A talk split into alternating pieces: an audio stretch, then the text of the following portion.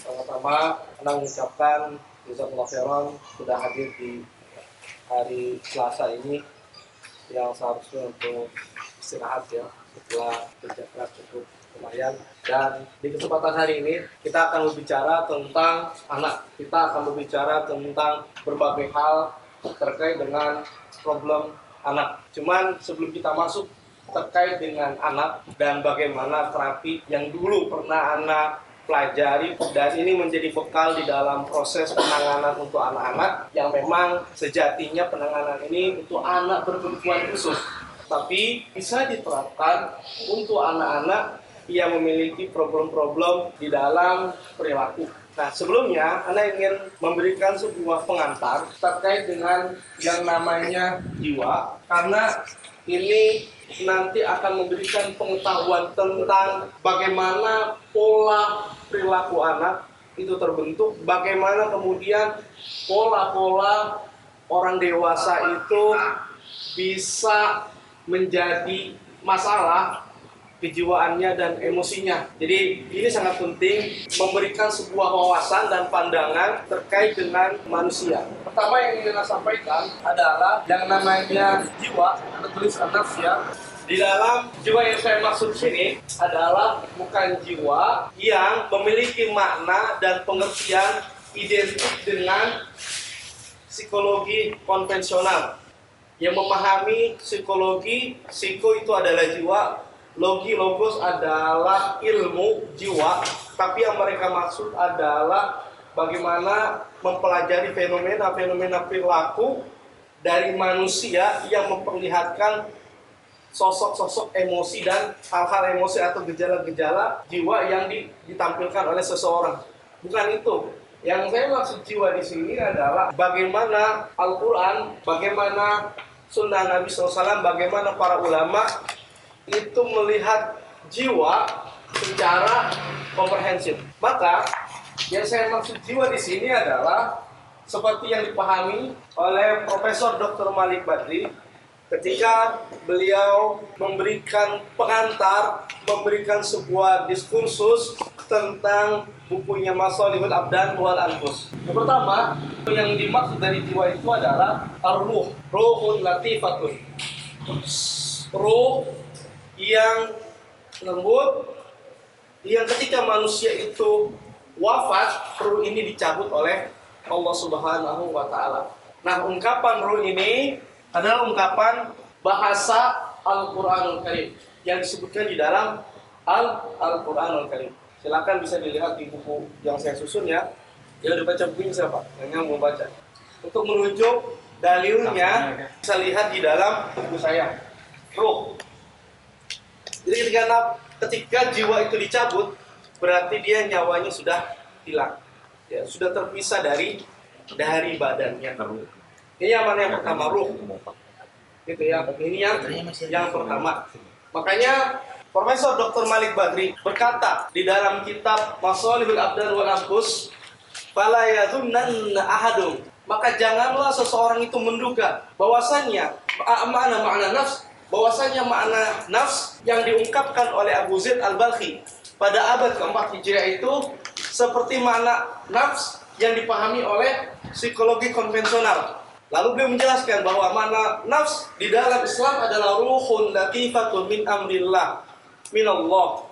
Bahwa nafs yang dimaksud di sini adalah ruh yang lembut diciptakan oleh siapa? Oleh Allah Subhanahu wa taala. Ini yang pertama ruh. Kemudian yang kedua, mana nafs. Ini contohnya apa? Ya ayat Tuhan nafsul mutmainnah irji'i ila rabbiki radiyatan mardiyah. Wadkhuli fi ibadi wadkhuli jannati.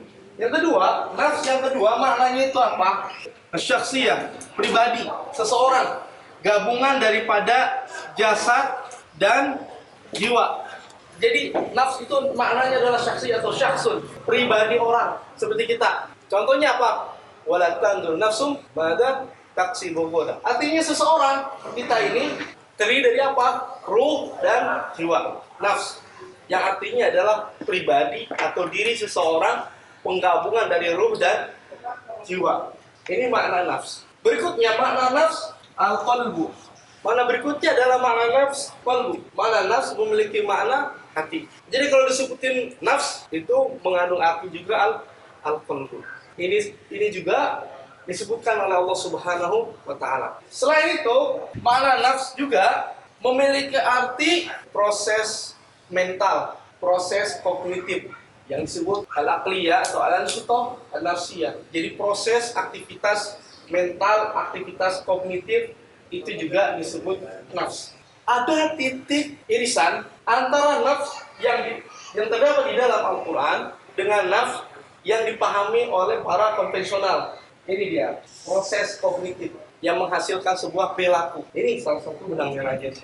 Ketika manusia itu ada di dunia, ini sudah ada sebagaimana di dalam hadis Abdullah bin Mas'ud haddatsana Rasulullah sallallahu alaihi wasallam wa huwa shadiqun masduq inna ahadakum yujma khalquhu fi batni ummihi arba'ina yawman nutfatan thumma yakunu 'alaqatan min dzalik thumma yakunu mudghatan min dzalik thumma yursalu 'alaihi al-malaku fayunfahu fihi ruh wa yu'maru bi arba'i kalimat bikat rizqihi wa ajalihi wa saqi au sa'id Nah, jadi Allah berikan kepada kita kepada manusia. Cuman yang menjadi masalah adalah mengapa kemudian ada di antara kita ada anak-anak yang memiliki problem-problem, yang memiliki perbedaan-perbedaan di antara kita. Kalau disebut takdir, benar itu adalah takdir dari Allah Subhanahu wa taala. Hanya saja kita harus mengetahui hal-hal yang bisa membentuk takdir dia, hal-hal yang bisa merealisasikan takdirnya dia. Apa itu? Sekarang kita lihat. Ini anak. Dari segi problematika, kita bisa petakan menjadi tiga. Problem semua yang terkait di dalam proses pembelajaran, itu namanya learning disorder, kacauan di dalam proses pembelajaran. Problem di dalam masalah emosi dan perilaku, itu namanya adalah emotional and behavioral disorder. Problem di dalam masalah kognitif, masuk ke dalam apa? Cedera otak seperti sindrom autis. Kemudian ADHD, HDD itu masuk ke area sana. Jadi problem anak itu ada tiga. Apa tadi? Behavioral and emotional disorder, learning disorder. Kemudian ini kognitif atau cedera otak, orang dengan cedera otak. Sekarang kita coba identifikasikan anak-anak kita yang hari ini ada di kutap, ada gak identifikasi-identifikasi anak-anak kita yang masuk ke dalam behavioral and emotional disorder atau masuk ke dalam learning disorder atau masuk ke dalam kognitif atau cedera otak. Nah, sekarang kita awali dengan ini dulu. Behavioral and emotional disorder. Turunannya perilaku menyimpang atau abnormal atau emosi itu satu. Yang ngitung CBCL siapa? Ustaz Muhammad Salim Ustaz Muhammad bisa semua kan? Ibu-ibu bisa kan? Asesmen CBCL. Yang bawa-bawa bisa kan? Belum pernah ya? Nah, hasil daripada CBCL itu apa, Bu? Pertama, dari sini kita bisa lihat depresi. Apakah anak itu mengalami depresi atau tidak? Mengambil istilahnya Abu Zaid Al-Balkhi adalah apakah anak ini sedih berkepanjangan sehingga depresi atau tidak? Ini yang pertama D, depresi. Itu dari tools CBCL ya. Apakah anak ini mengalami yang namanya anxiety, kecemasan atau tidak? Al-khauf wal fazu. Dia cemas atau tidak? Ini anak. A ini anxiety. Anxiety itu kecemasan, fobia. Ini masuk ke dalam ini. Apakah anak ini mengalami yang namanya antisosial? Apakah anak ini mengalami agresivitas tinggi, mudah marah, mudah ngamuk, mudah merontak, mudah menyakiti orang lain? Dilihat sini. Apakah anak ini mengalami yang namanya withdrawal atau tidak? Apakah anak ini mengalami yang namanya touch problem, masalah dalam pikiran? Apakah anak ini mengalami attention problem, problem pada fokus. Banyak kan? Ini adalah problem-problem emosi, problem-problem perilaku anak-anak. Kita lanjutkan lagi ya. Kemudian, yang namanya learning disorder, learning disorder, kekacauan atau problem di dalam proses pembelajaran. Apa saja kah itu? Yang kita ketahui, ada yang namanya disleksia. Kemudian, ada juga yang namanya diskalkula. Diskalkula kalau diskalkula itu terkait dengan hitung-hitungan. Dia nggak paham, dia terbalik-balik dalam melihat lambang-lambang bilangan. meskipun dia sampai dengan usia yang besar di kelas 5. Itu dia learning disorder. Ada juga yang namanya dysgraphia. Dyskalkula dan dysgraphia. Dysgraphia itu dia bermasalah di dalam tulisan, kemampuan dia di dalam menulis. Kemudian ada juga yang namanya slow learner. Itu pembelajar yang lambat. Ini di antara learning learning disorder. Ah, ini saya tambahin ya. Ini delinquent behavior namanya. DB, kenakalan anak. Nah, sekarang kita masukkan sini nih. Anak dengan cedera otak atau anak yang memiliki problem yang agak berbeda dengan ini dan ini, tapi pengaruh ini juga, perilaku juga pengaruh ke proses pembelajaran juga pengaruh. Siapa itu? Mereka pertama Down syndrome. Kedua, anak-anak yang autis. Tiga, Asperger. Keempat, ADHD, attention deficit hyperaktivitas disorder. Dan anak-anak dengan IQ di bawah 60. Ini menjadi masalah. Sekarang pertanyaannya kemudian begini, apa yang menyebabkan anak ini mengalami hal seperti ini? Ini baik yang sudah menikah maupun yang belum menikah, ini menjadi bagian pelajaran yang berharga untuk kita semua agar kita bisa berhati-hatilah. Apa sih yang menyebabkan ini semua? Gitu ya anak itu bisa terkena ini, anak itu bisa terkena ini, anak itu bisa terkena ini. Apa yang menyebabkan ini semua? Oke, sekarang anak ingin biar tidak tidak anak sendiri yang ngomong. Sekarang dari ibu-ibu, apa kira-kira yang memicu anak-anak tersebut memiliki problem? Dari mulai sini semuanya wajib menyebutkan ya. Dari mulai Bu Mariam, Mariam ya. Nomor satu, kurang perhatian. Dua. Pokoknya yang mana aja terserah. Kurang kurang gizi ya. Tiga. Keturunan. Ya. Gen ya, hereditas. Apa lagi? Bu Soraya, empat. Kurang apa? Hah? Kenapa? Orang tua galak. Lima, apa lagi? Bu, siapa? Bu. Ibu Imaro. Bu Imaro. Apa, Bu? Hah? Kurang kasih sayang. Enam. Enam apa, Bu? Pola didik. Pola didik. Bisa. Pak. Lanjut. Bu siapa? Pola didik. Ini pola didik. Tujuh, pola asuh. Delapan. Pak Uh, antum, Pak Faris. Satu aja, jangan banyak-banyak, satu aja. Hah? Hah? Oh iya, lingkungan aja. Nah, tulis ya. Sembilan, apa?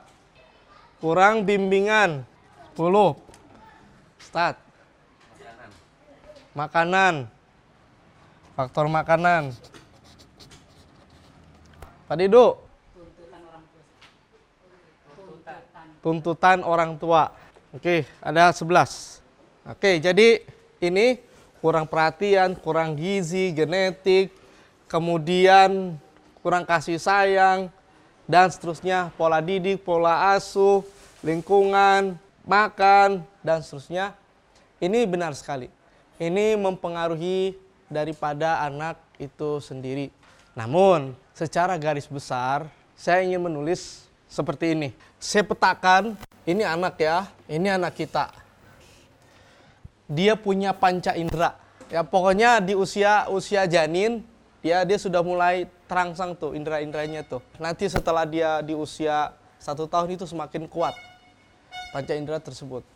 Yang mempengaruhi hal-hal ini, yang mempengaruhi si anak ini adalah faktor benar sekali kata Bu Ulfa. genetik. Faktor genetik atau hereditas. Ini mempengaruhi anak. Kedua, selain genetik yang mempengaruhi anak itu apalagi environment, lingkungan.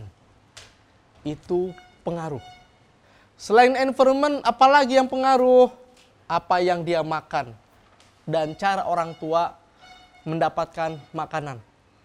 Itu juga pengaruh. Orang tua mendapatkan makanan dan jenis makanannya itu pengaruh kepada anak. Kemudian di antara yang mempengaruhi anak adalah pola asuh orang tua, pengasuhan orang tua, termasuk di dalamnya adalah komunikasi orang tua dengan anaknya. Environment, kalau environmentnya dia hidup di daerah dekat dengan limbah, industri. Kalau dia hidup di daerah air yang sudah tercemar, makanannya ini makanannya kebanyakan mecin. Sehingga menjadi generasi apa? Iya, generasi mecin itu. Terlalu banyak MSG di dalam otak kepalanya dia. Ini juga pengaruh. Ya, selain daripada environment. Itu. Kemudian pengasuhan pendidikan anak juga pengaruh. Sekarang, kalau?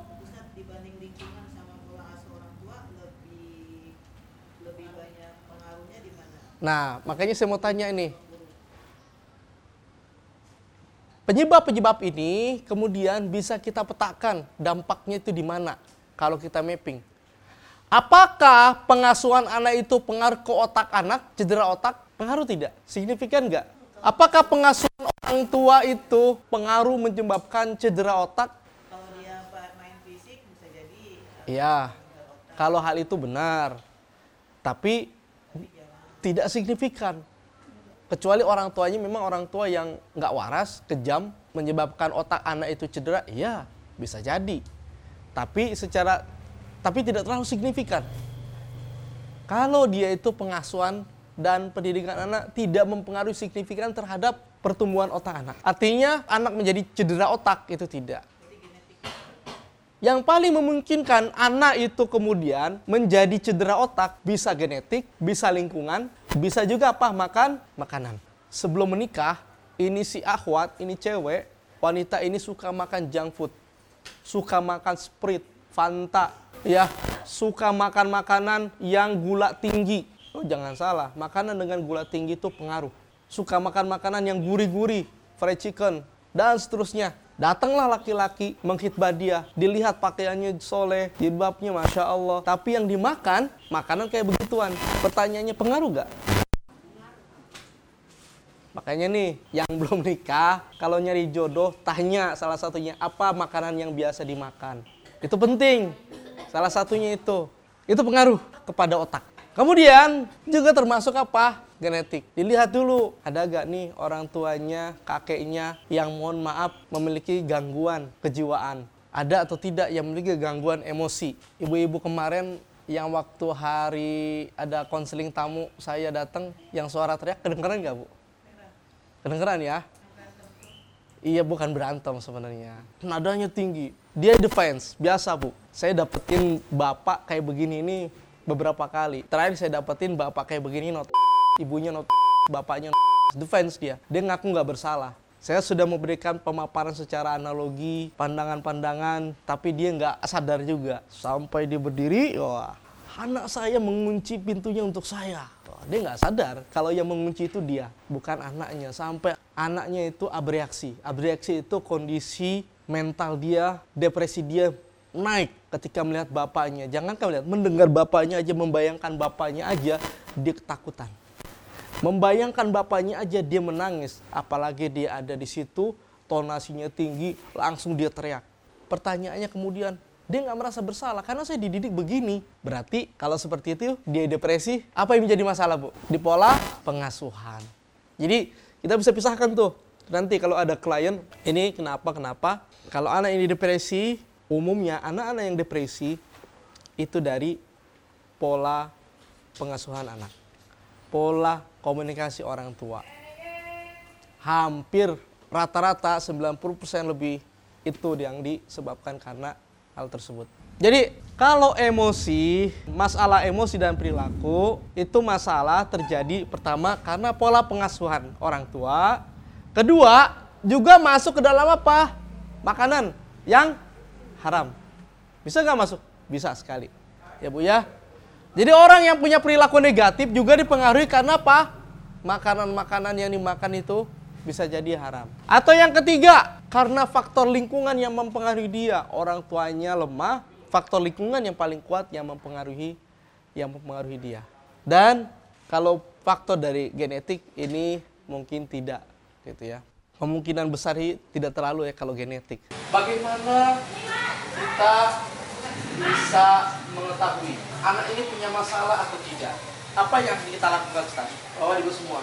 Apa yang akan kita lakukan untuk kita mengetahui anak ini punya masalah di proses pembelajaran atau anak ini punya masalah di perilaku atau anak ini punya masalah di dalam otaknya atau cedera otak. Bapak-bapak dulu tadi ibu. Apa yang dapat kita lakukan, Pak? Agar kita bisa mapping anak, ini anak, ya kita mappingin dulu, anak ini punya masalah apa. Ya, kalau kita nggak tahu, kita nggak mampu mengobservasi, kita bisa mana bisa melakukan proses penanganan, terutama di tahun ajaran baru yang kita juga belum tahu. Oke dari bapak-bapak, apa yang pertama yang harus kita lakukan agar kita mengetahui anak ini masalahnya di mana? Silakan. Silakan Bu. Apa yang akan kita lakukan agar kita mengetahui ini anak punya masalah? Kalau dia punya masalah, masalahnya dia itu di mana? Apakah di emosi dan perilaku ataukah di learning disordernya ataukah di kognitifnya atau dia masuk ke dalam special need? Silakan ayo Pak Dido. Hal apa yang dapat kita lakukan pertama kali agar kita mampu memetakan masalah mereka sehingga dengan itu kita bisa melakukan penanganan. Diskusi. Oke, start bertanya ke teman-temannya. Saya Agung. Diajak ngobrol. Saya Talfan. Ini anak bukan orang dewasa, saat ya. Ini anak kecil.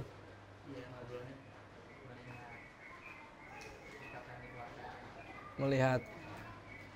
Oke, kalau antum Faris ya? Diskusi. Kalau Bu Mariam? Hah? Takut. Bu, Baiti?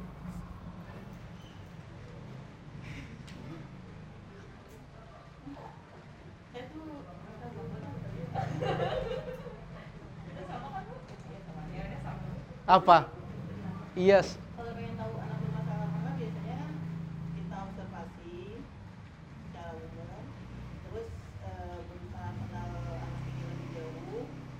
Dia dibuat targetan eh, kalau di kelas biasanya ini anak seharusnya eh, satu bulan pelajaran misalnya anak ini harus paham apa.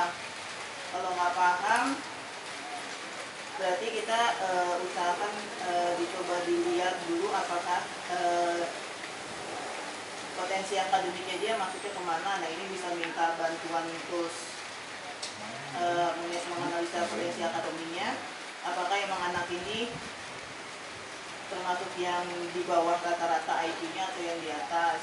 Kalau itu kalau yang biasa untuk apa mengenai kognitif. Kalau perilaku bukan lanjutin Lanjut. banyak kan Intinya sih kenali kebiasaan dia saat di kelas Ustaz. Nah, kenalin kebiasaan dia di kelas kayak misalnya nanti kalau dia ada tanya jawab, anak ini bisa nggak sih? Terus saat dia adakan kerja kelompok gitu, dia tuh bisa berbaur nggak sih sama temennya? Hmm.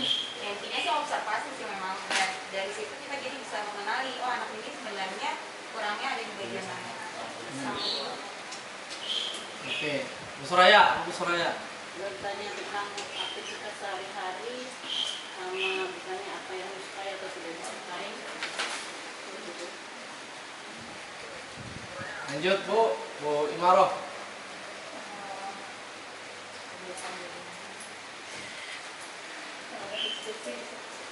Mengajak diskusi. Siapa yang ngajak diskusi?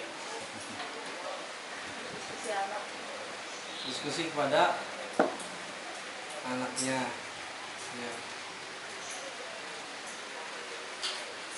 apalagi lanjut Bu Novia silakan Bu Ustaz ya, sama. Kita lihat dulu perilakunya, terus kemudian komunikasinya dan interaksi eh, sesama teman atau dengan orang lain atau juga dengan guru dan bahkan orang tuanya. Jika kita melihat eh, perilaku ini, anak ini kurang baik terhadap teman-temannya atau komunikasinya kurang baik, Mm-mm. guru sudah apa sudah memberikan pengarahan namun misalkan dianya tetap tidak mendengarkan berarti ada masalah kita bisa melihat ada masalah kemudian ketika kita sudah tahu anak ini ada masalah kita mencari tahu atau atau observasi di mana titik masalahnya kenapa bisa seperti ini oke baik terima kasih Bu ya Benar sekali. Jadi yang pertama eh, yang harus kita lakukan ibu ya, untuk kita bisa mengetahui anak, ya untuk kita bisa lebih memahami anak itu masalahnya di mana, maka pertama adalah kita observasi anaknya. Kita observasi siapa juga orang tuanya melalui observasi dan interview. Kemudian selain itu apa lagi? Ya kita berikan tools-tools terkait dengan analisa perilaku anak. Apakah dia itu tingkat agresifnya tinggi? Siapa yang mengisi? Kalau anak itu masih belum bisa baca, belum bisa nulis, ya kasih orang tuanya. Seperti yang biasa kita lakukan. Dengan apa, Bu? CBCL itu. Ya. Nah, baru ketika dia kalau dia usia uh, usia SD-nya kelas 3 atau kelas 4 bisa bisa mandiri dia. Tentu bisa kita dampingi. Dan ingat, kadang ada orang tua yang salah paham. Apanya salah paham? Tentang apa-apa yang terjadi pada anak. Ambil contoh kemarin, ya ada calon wali murid, beliau menceritakan anaknya itu nggak bisa diam Ustadz. Anak saya itu begini begini. Anak saya itu hiperaktivitas. Jadi orang tuanya sendiri tuh yang nge-label anaknya karena ketidaktahuan. Makanya anak katakan, oh ya sudah bu, kalau gitu ibu kembali saja dulu. Saya lihat apakah beliau anak ibu itu seperti yang ibu sampaikan atau tidak. Karena kita tidak bisa berbicara dalam wilayah asumsi dan persepsi.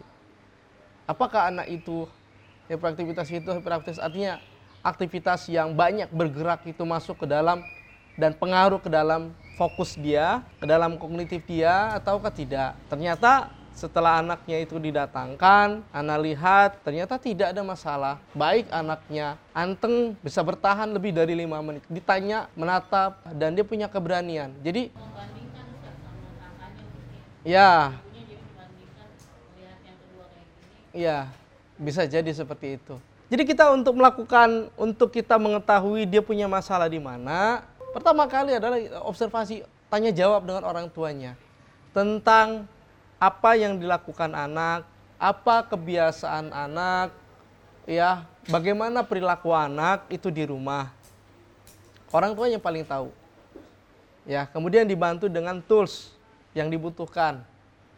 Gitu ya kalau apa namanya kalau ada dari sesi tanya jawab dan orang tuanya orang tua tersebut memberikan sebuah indikasi, indikasi gambaran anaknya misalkan menuju ke arah gambaran anaknya itu special need maka dibantu dengan tools yang memang digunakan untuk special need melihat apa jenisnya. Kalau misalkan di dalam sesi interview itu anaknya misalkan agresivitasnya tinggi atau misalkan kalau di rumah bawaannya itu nggak mau ditinggal selalu cemas berarti kita coba lihat ulang melalui apa? Tools yang lainnya seperti CBCL kita kita bisa lakukan itu. Nah cuman kalau kita sudah petakan itu apa yang akan kita lakukan? Itu bentuk terapinya. Insya Allah anak akan jelaskan setelah zuhur mungkin ya insya Allah. Berikutnya kalau anak itu bermasalah di dalam proses pembelajaran. Anak ini mengalami learning disorder. Apa yang akan kita lakukan dan bagaimana kita melakukannya oleh karena itu ini kita benar-benar real anak minta kita bagi kelompok ibu-ibu semua melihat realita di lapangan tentang learning disorder. Ana minta dan ini dibagi, dibagi, dibagi beberapa kelompok ini, berapa kelompok ini? Bisa dua. Satu, dua, tiga, tuh dua, tiga. Tiga kelompok ya. Ini ya. Ini ada berapa kelompok ini?